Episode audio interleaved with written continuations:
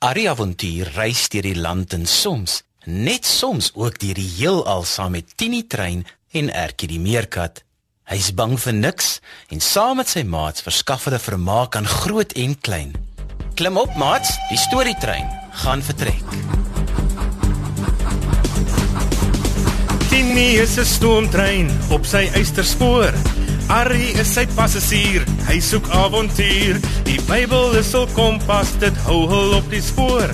Van alles wat met jou gebeur, kan jy by hulle hoor. Ertjie is 'n maatjie, 'n meerkat van die veld. Karosie is 'n stoute aap, hy doen gewone kwaad. Ertjie en Karosie en Arrie ook daarbey. Is almal net so spesiaal, so spesiaal soos jy. Kom nou maar skuif nader, luister bietjie daar. Is dit dalk die Tini trein wat ek daar gewaar?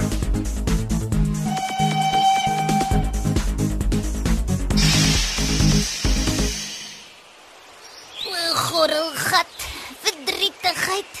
O, ellende, hy tog, hy tog. Ons is skaars terug in Karosie is weg.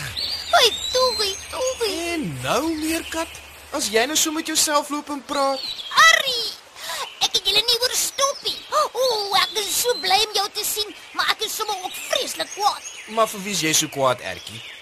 Het jy en Karolsie weer stry gekry? Nee, nee, nee. Uh, ja, ek bedoel nie ons het nie gestry nie, maar ek is kwaad vir hom. Maar ek is ook kwaad vir jou, Arrie. Nou, hoe dan so, Ertjie? Ek is kwaad vir Karolsie, want hy het aspres gaan moeilikheid soek en ek is kwaad vir jou, want jy het beloof dat jy nie vir Karolsie iets sal laat oorkom nie. So daar. Ek wou dit sê en ek het dit gesê. Maar Ertjie, Nee nee nee nee nee nee niks maar ertjie nie. Jy het beloof en nou is Karolsie weg. Of dood? Ek weet nie eens nie. Al wat ek kon kry was 'n klosie hare met bloed aan. Bloed, Arrie, bloed. Karolsie se bloed en hare. Ai, ek, ek kan hoor jy's baie ontstel. Dis dierbaar jy so omgee vir jou maatjie en ek is jammer. Jy's reg.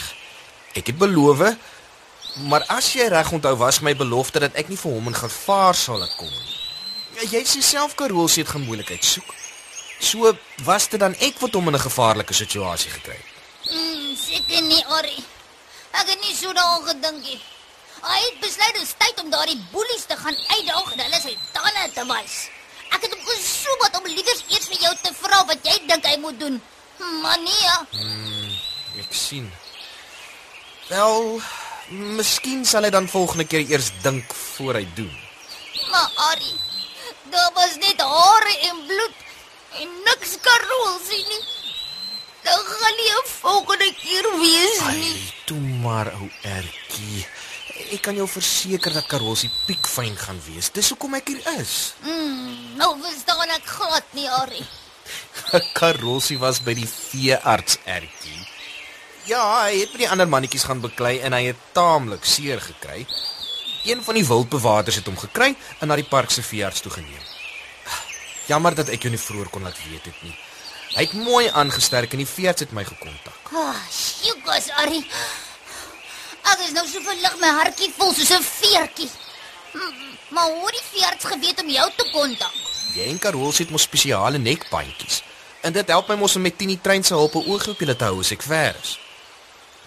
Die nekbandjie het ook my inligting op. Park se mense weet daarom nou ook al dat ek toestemming het om die park te deursoek vir fossiele en om die diere en plante dop te hou vir navorsing. En die veearts het gevra of Karolsie verder kan aansterk onder my toesig. Ag, is wonderlike nuus, Arrie. K- Kan ek saam gaan om vir Karosie te gaan haal?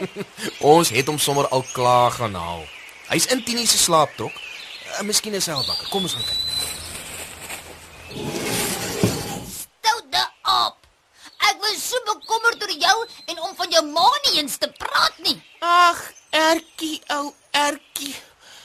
Praat net bietjie sagter my maatjie, my kop is baie seer. Ah, daai hoofpyn is jou verdiende loon. Ag, ek weet. Ek's jammer. Ek was miskien 'n bietjie haastig. Maar ek is so bly Ariel het my kom haal. Ek kon dit amper nie glo nie. Toe ek die eerste keer wakker word, het ek so groot geskrik. Ek was in 'n hokkie en daar was ander diere. O, oh, dit was so donker. O, Tori. Ek het gedink daardie mense wat die diere vang om te verkoop of dood te maak het my gekry. Toe ek weer sien, toe gaan my hokkie se deur oop en ek stap saam met Arrie uit. Hmm.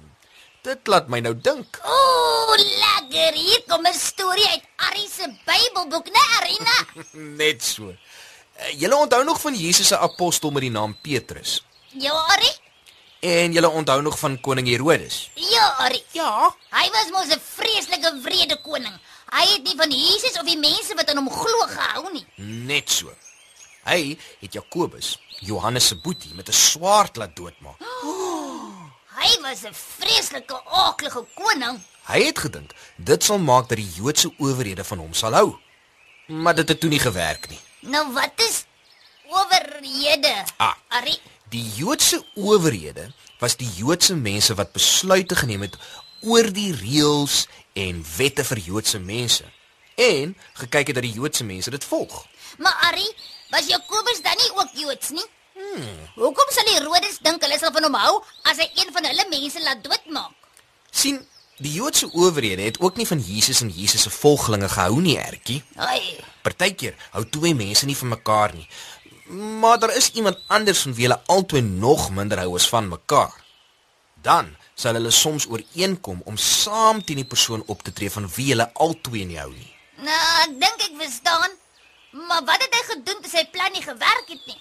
Hy het vir Petrus in die tronk laat stop.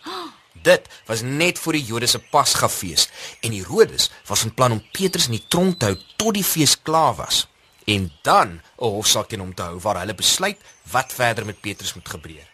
Ah, wag, wag, wag. Ek onthou nou, ek onthou nou.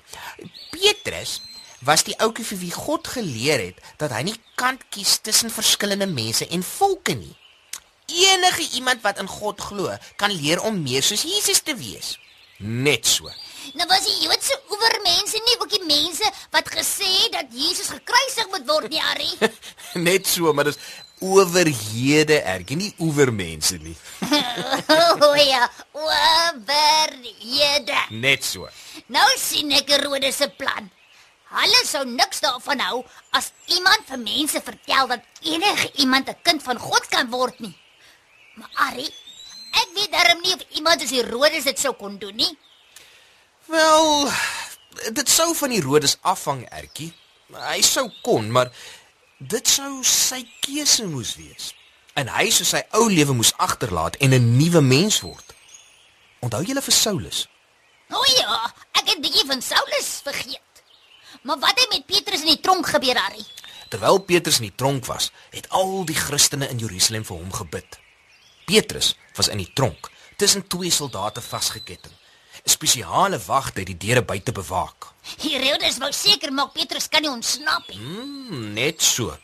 Maar 'n engel van God het langs Petrus kom staan waar hy lê en slaap het en gesê hy moet opstaan en aantrek.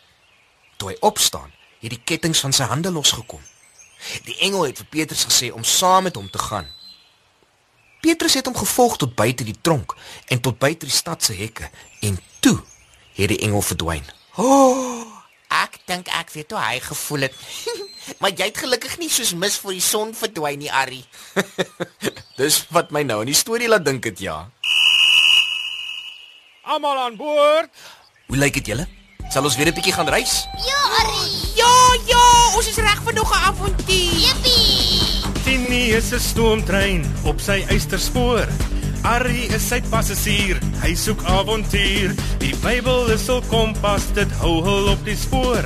Van alles wat met jou gebeur, kan jy by hulle hoor. Erkie is 'n maatjie, 'n meerkat van die veld. Karosie is 'n stoute aap, hy doen gewone kwaad.